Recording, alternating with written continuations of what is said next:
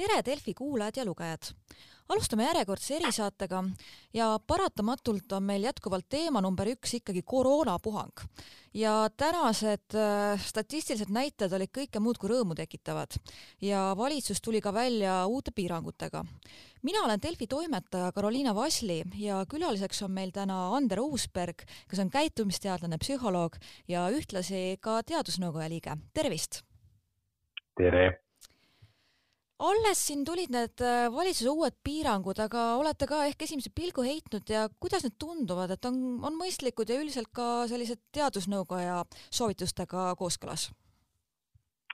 üldiselt on äh, minu meelest, minu hinnangul nad jah, mõlemad, et nad on, nad on mõistlikud ja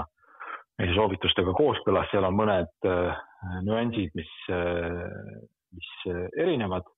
võib-olla äh, teadusnõukoja sellisest konsensusest ja, ja siis omakorda noh, teadusnõukoda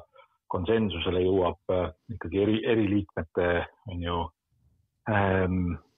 arusaamisi kaaludes, et, et, et võib-olla mul, mul isiklikult noh, võivad olla veel mingid eelistused, aga et suures pildis on see, on see mõistlik lähenemine. ja, ja ma veel eraldi tahaks tervitada äh, seda, et, ähm, et, et valitsus ähm, äh, oma pressikonverentsil vähemasti joonis alla äh, igaühe võimalust äh, ka oma elus äh, anda panus sellega, sellesse mm, viirusega võitlusesse ja, ja, ja vähemalt Tanel Kiige esituses sõnastati läbi, eks ole, see, see mõte, mis meil vahel kipub meelest ära minema, et, et, et asjad, mis, mida valitsus ei ole ära keelanud, ei ole tingimata kõige mõistlikumad asjad, mida selle praeguse nagu viiruse levifaasis teha palju räägitakse nii-öelda koroonaväsimusest, et äh, on see siis nii suur praegu probleem ja tõesti, et inimesed ei, ka vaimselt ei suuda järgida neid käske ja keelde, et nad on, peaaegu on aasta möödas sellest, kui meil eriolukord ka kehtestati, et äh, mis te arvate, mis selle taga üldiselt on? ma arvan, kor-, koroonaväsimus võib-olla on, on äh, natukene niimoodi terminina eksitav, aga tõsi, ta, ta on küll, et selline püsivus äh, oma elus teatud muutusi teha, et, et selles äh, me näeme mm, väikest libastumist. Ja ma arvan, siin on mitmeid põhjuseid. üks põhjus, mis äh, mulle tundub oluline, on lihtsalt igaühe meie mm, psüühikas toimuv selline paratamatu loogika, et vaatamata sellele, et tegu on tõsise haigusega on Eestis äh, väga vähesed inimesed sellega õnneks kokku puutunud, mis on ka märk äh, senisest äh, heast hakkamasaamisest. ja see tähendab seda, et, et, et kõigi nende õnnelike jaoks, kes ise ei ole nakatunud ja kelle lähedased ei ole ka nakatunud, on, on mõnes mõttes selline vastuoluline olukord, et, et ma tean niimoodi mõistusega, et oht on kõrge ja oht on olnud pidevalt kõrge. samas mu enda kogemus ütleb mulle, et minuga ei ole midagi juhtunud ja, ja see kogemus hakkab minusse kasvatama sellist nagu hästi inimlikku tunnet, et, et järsku minuga ei juhtugi, et järsku see oht ikka ei ole päris nii suur. ja mulle tundub, et see on üks mehhanism, mis on, on äh, viinud meid seda ohtu äh, nagu alahindama aeg-ajalt. ja teine mehhanism, mis siin kõrval on äh, minu jaoks oluline, on äh, ka avalikus arutelus äh, selle äh, viirusega seotud ohtude niisugune mm, foonile vajumine et me erinevatel põhjustel ei sõnasta läbi nendes kohtades, kus, seda võiks sõnastada, et, et noh, nii-öelda mille peale mäng käib. et tegelikult siin jaanuarikuu jooksul on, on meil olnud umbes viiskümmend inimest, kes lahkuvad koroonaga. et, et paljud inimesed põevad koroonat pikalt, et, et isegi kui äh, õnnestub koroonast paraneda, siis see haigla kogemus ei ole midagi, mida me, mida me tahaksime ja võib-olla veel kaudsemalt, et need, kes äh, on lihtsalt eneseisolatsioonis, pered on eneseisolatsioonis nädalate-nädalate kaupa, et kuidas see kõik äh, elurütmi häirib, äh, kuni siis selleni, et, et noh, meil on endiselt vaja piiranguid. et on, on väga palju häid põhjuseid, miks selle viirusega endiselt tasuks võidelda, aga, aga me ei räägi neist piisavalt selgelt. Ähm, ja, ja kolmas ähm, tegur, mis ma arvan, ei ole nüüd nii väga selle praeguse faasiga seotud, vaid on miski, mis saaks teha paremini äh, faasist sõltumata, on äh, selliste noh, kui me nimetame või kui me eristame selliseid käitumiskorraldusi ja käske, käitumissoovitusi, et siis nende käitumissoovituste osas on pilt hästi killustunud ja, ja sageli raskesti jälgitav. et kui te nüüd võtate nõuks ja, ja, ja, ja, ja guugeldate, et mida ma saaksin teha, et ise koroonaga võitlusse panustada, et siis te leiate väga häid materjale, aga neid on palju, neid on raske teinekord üles leida, neist on raske läbi närida, sellepärast et nad on teaduslikus või kantseliitlikus keeles. ehk siis, et me võiksime ka äh, paremini läbi sõnastada selle, et mis see siis on, mida igaüks äh, võiks teha, näiteks see, et, et, et kui mul on selline töö, mida saab teha kaug-, kaugelt, et siis äh, ma teeksin seda kaugelt. või kui ma olen organisatsioonis juht, et ma võtaks enda peale selle, et me mõtleme läbi, kuidas me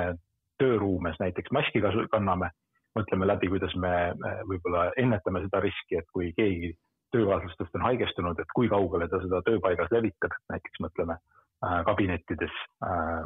käimise korra läbi ja nii edasi, nii edasi. et on palju asju, mida igaüks saab teha, mis on õige, see on väga tore, et valitsus sellele praegu on hakanud üha rohkem osutama äh,. aga et, et siit võiks tulla järgmine samm, kus äh, on ka nagu selgem nõu selles osas, mida ma siis teha saan Te olete nüüd jaanuarist teadusnõukoja liige, et sellest natukene sisseelamist on olnud, et kas nendel diskussioonidel on ja koos ka valitsusega läbi käinud, et kuidas siis jõuda rohkem inimesteni, et et inimesed ei usuks päris kõike, mis nad loevad ja ei satuks nii palju segadusse, et oleks selline kontsentreerinud mm, sõnum? ma olen sellel teemal äh, mõtteid mõelnud ja, ja, ja arutanud ka äh, teadusnõukoja kaaslastega ja, ja, ja ka, ja ka riigiaparaadis töötavate erinevate inimestega, et ega, ega siin raketiteadus see otseselt ei ole, et, et on äh, erinevad, eks ole, niisugused kampaaniavõtted äh, ja, ja ka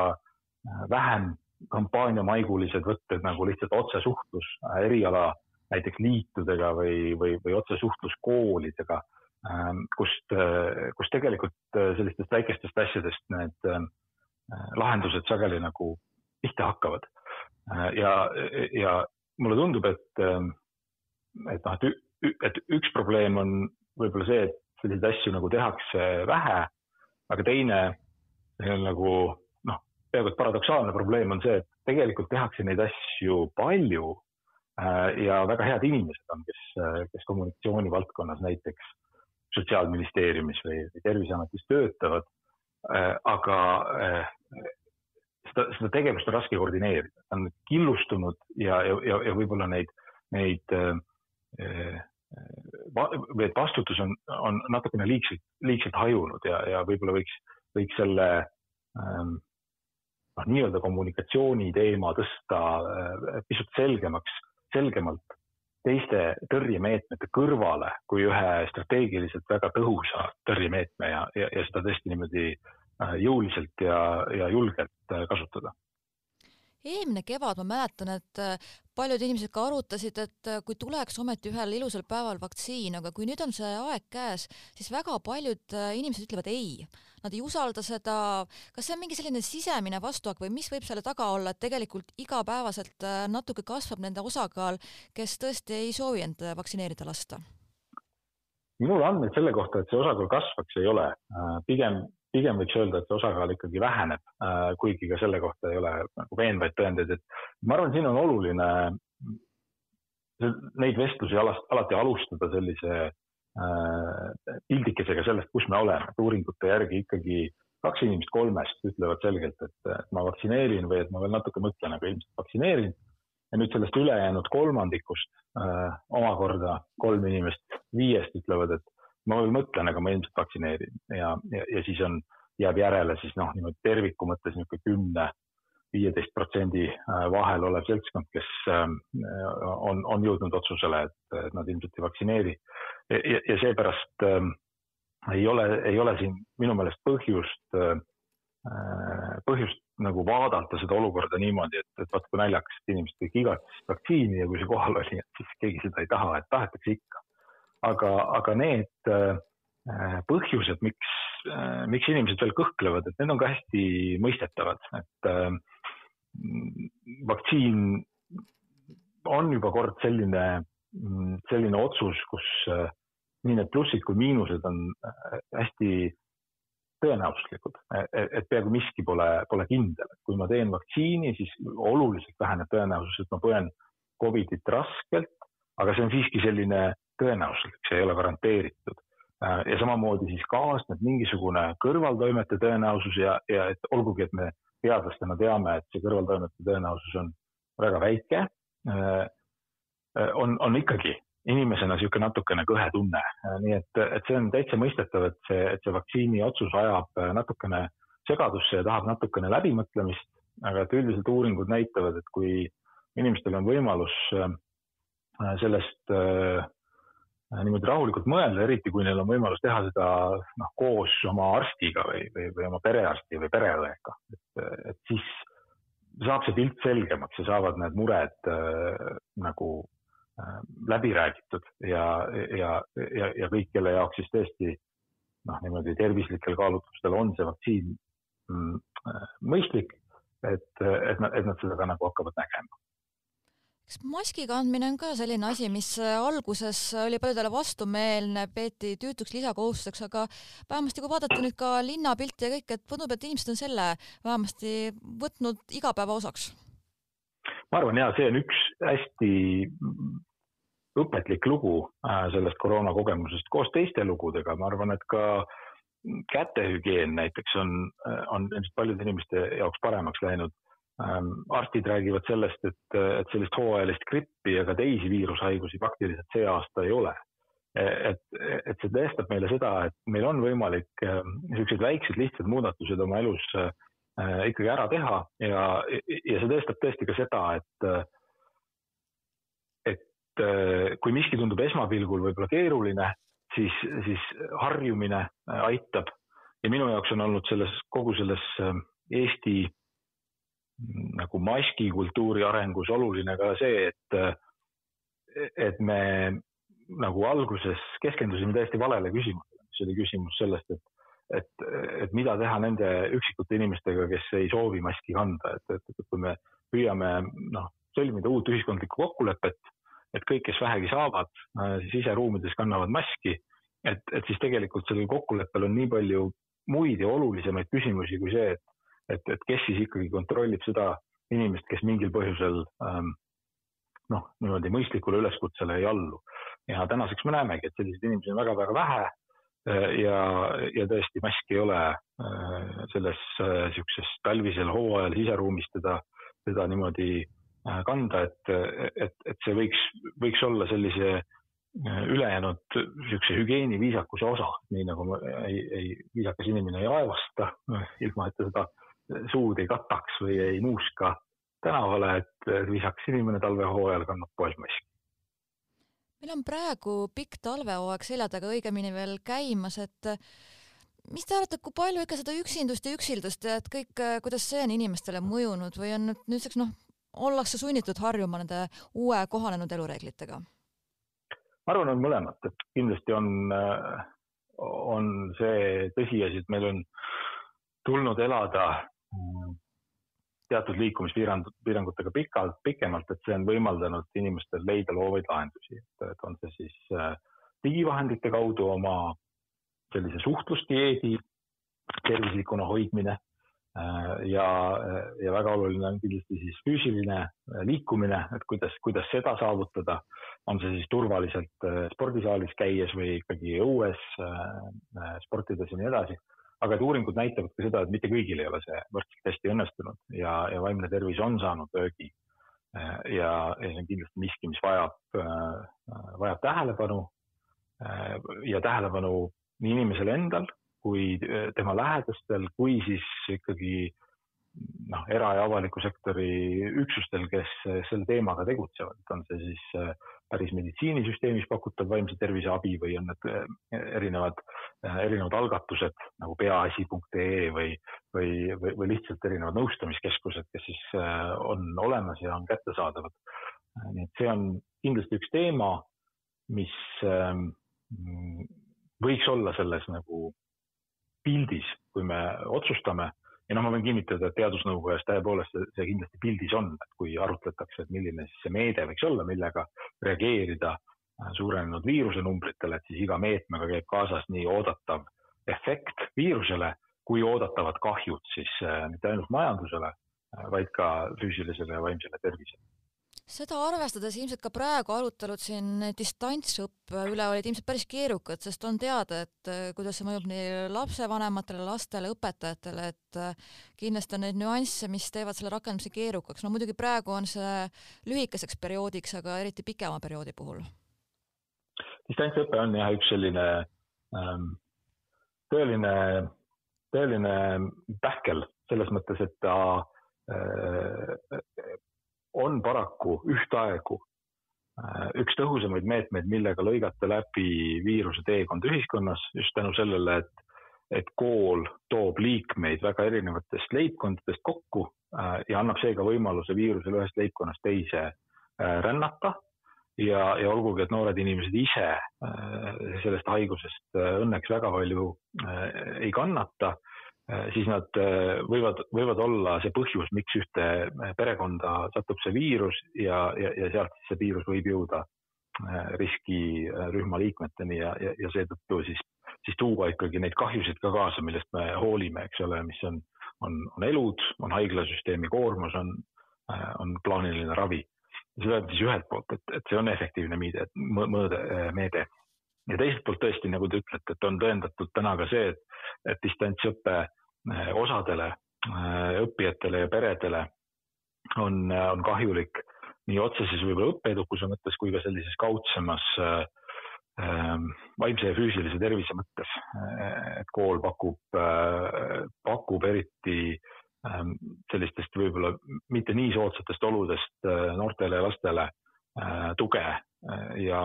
ja, ja, ja muid selliseid nagu hüvesid nende ellu. ja seetõttu jah, sellele distantsõppele minek äh, peaks olema hästi-hästi kaalutletud. ja nüüd mulle endale ka, et üks põhjus, miks, miks ma arvan, et see, see praegune otsus on küllaltki mõistlik, on see, et, et nüüd need hüved äh, on kindlasti või, või need distantsõppe nagu kahjud või, või riskid, et need kindlasti on sellised kumuleeruvad, et mida pikem see periood on, seda enam me võime neist riskidest rääkida ja et et praegu see idee, et kasutada vaheaega, mis nii või teisiti, eks ole, jätab koolimaja nädalaks tühjaks ja, ja pikendada seda perioodi, kui koolimaja jääb nädalaks tühjaks, et see on, see on, ma arvan, küünlaid väärt. ja, ja tegelikult on ka tõendeid selle kohta, et ikkagi äh, üleüldiselt on Eesti koolid äh, maailma mõõtkavas ühed, ühed, ühed paremad või ühed tublimad äh, distantsõppega hakkama saajad äh, juba nendel lihtsatel põhjustel, et, et, et nii Eesti inimeste kui, kui, kui Eesti koolide äh, nii-öelda digi, digi, digivalmidus on, on suhteliselt hea, et, et, seda nii vahendite kui oskuste mõttes. taaskord see ei kehti kõigile sajaprotsendiliselt, aga et see ähm, äh, kehtib rohkematele inimestele kui võib-olla mujal maailmas. ja, ja noh, natuke kahju on, et, et see distantsõppe otsus ei, ei sündinud veel varem, et, et oleks saanud seda veel rohkem koolides ette valmistada ma arvan, et selline ennustatavus ja, ja planeerimine on ka hästi-hästi oluline nii, nii nende ähm, noh, nagu otseste distantsõppe kahjude ennetamisel ja maandamisel, et lihtsalt seda hästi korraldada, kui ka, kui ka lihtsalt stressi ja enesetunde mõttes, et, et, et oleks natukene rohkem nagu võimalik ette teada, et mis juhtuma hakkab. aga, aga niikaua, kui see tõesti see mm, distantsõpe ei kesta meil väga kaua äh, ja loodetavasti annab oma märkimisväärse panuse sellesse, et viiruse levikut allapoole tuua, et siis, siis see võib olla hästi kaalutletud otsus praegu. Jah, mul on ka mõned tuttavad lapsevanemad, kes on isegi viimastel nädalatel, kui nad on pidevalt ärevil, et kas nüüd tuleb see teade või ei tule see teade, vahepeal minister ütleb, et ikkagi võiks jääda tavaõppele, et ka edaspidi pigem nagu kommunikeerida siis vähemasti nädal või kaks äh, ette või mis te arvate? siin on äh, ühesõnaga, ma olen nõus, et, et, et mida, mida, mida rohkem on võimalik ennustatavust luua, seda parem. nüüd on küsimus, kuidas seda teha. on ka täiesti arusaadav see, miks äh, seni ei, ei ole äh, Eestis äh, võetud kasutusele äh, sellist lähenemist, mis äh,, mis ma arvan, seda ennustatavust tegelikult väga palju suurendaks äh,. ja, ja selleks oleks siis äh, selline nagu foorisüsteem, et me, et me nagu määratleme ära Äh, et on noh, näiteks kolm sellist ohutaset ja, ja iga tasemega käib kaasas siis erinev piirangute komplekt, et vaata, et punasel tasemel on koolid distantsõppel, meelelahutus kinni, restoranid ainult päevasel ajal, veel mõned asjad, siis on mingisugune kollane tase, kus võib-olla koolid püü, me püüame lahti hoida, aga, aga kompenseerime seda muude selliste võib-olla eluks mitte nii vajalike tegevuste ajutiste piirangutega ja siis on võib-olla mingi roheline tase, kus, kus me püüame võimalikult palju asju avatuna hoida, aga, aga, aga kindlasti noh, anname oma, oma parima, et inimesed ei võtaks ebamõistlikke riske. ja, nüüd põhjus, miks seda asja mm, on väga keeruline teha, on, on see, et on, on keeruline raiuda kivisse neid kriteeriumeid, mille alusel äh, ühest faasist teise üleminek võiks, võiks sündida. Aga ma arvan, et, et, et on võimalik leida, leida ka piisavalt paindlikke lahendusi, mis äh, Ähm, ei, ei seo seda punase faasi algust ühegi konkreetse nakatumisnäitajaga või ühegi konkreetse juhitava hingamise näitajaga, vaid äh, terve näitajate komplektiga, mida vaatab ka veel ekspertkogu üle. Ähm, ja, ja olgugi, et see lähenemine ei taga tegelikult noh, näiteks lapsevanemale seda, et teab, millal täpselt äh, päevapealt äh, distantsõpe tekib, aga ta annab võimaluse ikkagi ennustada, et on, näha, kui on näha, et viiruse, viiruse trajektoor liigub mingis suunas, siis on on selge, et noh, ilmselt tuleb mingi muutus ja, ja, ja pluss on veel see, et selle muutuse sisu on ette teada. et, et praegu on jah, natukene selline, selline dünaamika meil ühiskonnas, et, et, et teatud regulaarsusega toimub sihuke maailmakarika etapp, kus, kus me siis jälgime pinevusega, et kuidas, kuidas valitsus nõu, nõu peab ja, ja, ja, ja ootame siis otsust, mis sealt, mis sealt tuleb aga mis te arvate, et kas inimestel on praegu seda optimismi, et on mõistlik just mõeldagi ette, et äh, aprillis-mais läheb kindlasti paremaks või pigem hoida seda joont, et võib-olla läheb paremaks, et kuidas teie meelest nagu see üldine ka ettevalmistus peaks olema, et ka liigselt eufooriliselt ei oota, et kõik kohe ära noh, laheneb? mina ise mõtlen sellest äh, nõnda, et äh, kindlasti läheb paremaks, aga ei pruugi minna äh, nii heaks, kui me tahaks või, või tagasi selliseks nagu äh,, nagu oli enne viirust. ja põhi, põhiprobleemid on siin seotud siis, eks ole, viiruse uute tüvedega, millest on juttu äh, ja, ja vaktsineerituse äh, nagu katvusega, et, et kui kiiresti ja kui kaugele me jõuame kogu nagu elanikkonna vaktsineerimisega ähm,. Äh, nii et nendel põhjustel on, on siis tõesti äh, eksperdid, eks ole, noh, ei, ei, ei julgusta meid niimoodi eh, noh, võtma, võtma sellist positsiooni, et, et tõesti natuke veel ja siis on kõik läbi. Eh, aga ma ise arvan, et, et, et see ei tähenda samal ajal või see ei peaks tähendama seda, et me ei saa aru eh, sellest praegusest, praeguse olukorra olemusest, kuhu on ikkagi minu jaoks sisse kirjutatud see, et meil on vaja umbes kaks kuud Äh, toimida mõistlikult. Äh, sest selleks ajaks on riskirühmade vaktsineerimine sellisel tasemel äh, ja meditsiinitöötajate vaktsineerimine, mis on juba peaaegu paremates asutustes täna sellisel tasemel, et, et laiem viiruse levik ei too enam kaasa suurt osa nendest põhjustest, miks me teda täna piirame, et ta hakkab kaasa tooma vähem surmajuhtumeid, ta hakkab vähem kaasa tooma tõsiseid haigestumisi, mis on, mis on traumeerivad ja, ja mis kurnavad äh, haiglasüsteemi ja, ja, ja meditsiinitöötajate vaktsineerimine on siinkohal veel oluline seetõttu, et, et surve plaanilisele ravile, eks ole, on seotud sellega, et meditsiinitöötaja ise on, on haigestunud ja karantiinis. et kui me, kui, kui, kui see hetk on käes ennustuste kohaselt kuskil maikuus, et siis kindlasti midagi muutub ja, ja, ja minu meelest seda tasub loota, et isegi kui äh, ei, ei, ei tasu ähm, Äh, ei tasu äh, mõelda, et, et siis, et sel, et sellel suvel ma võin,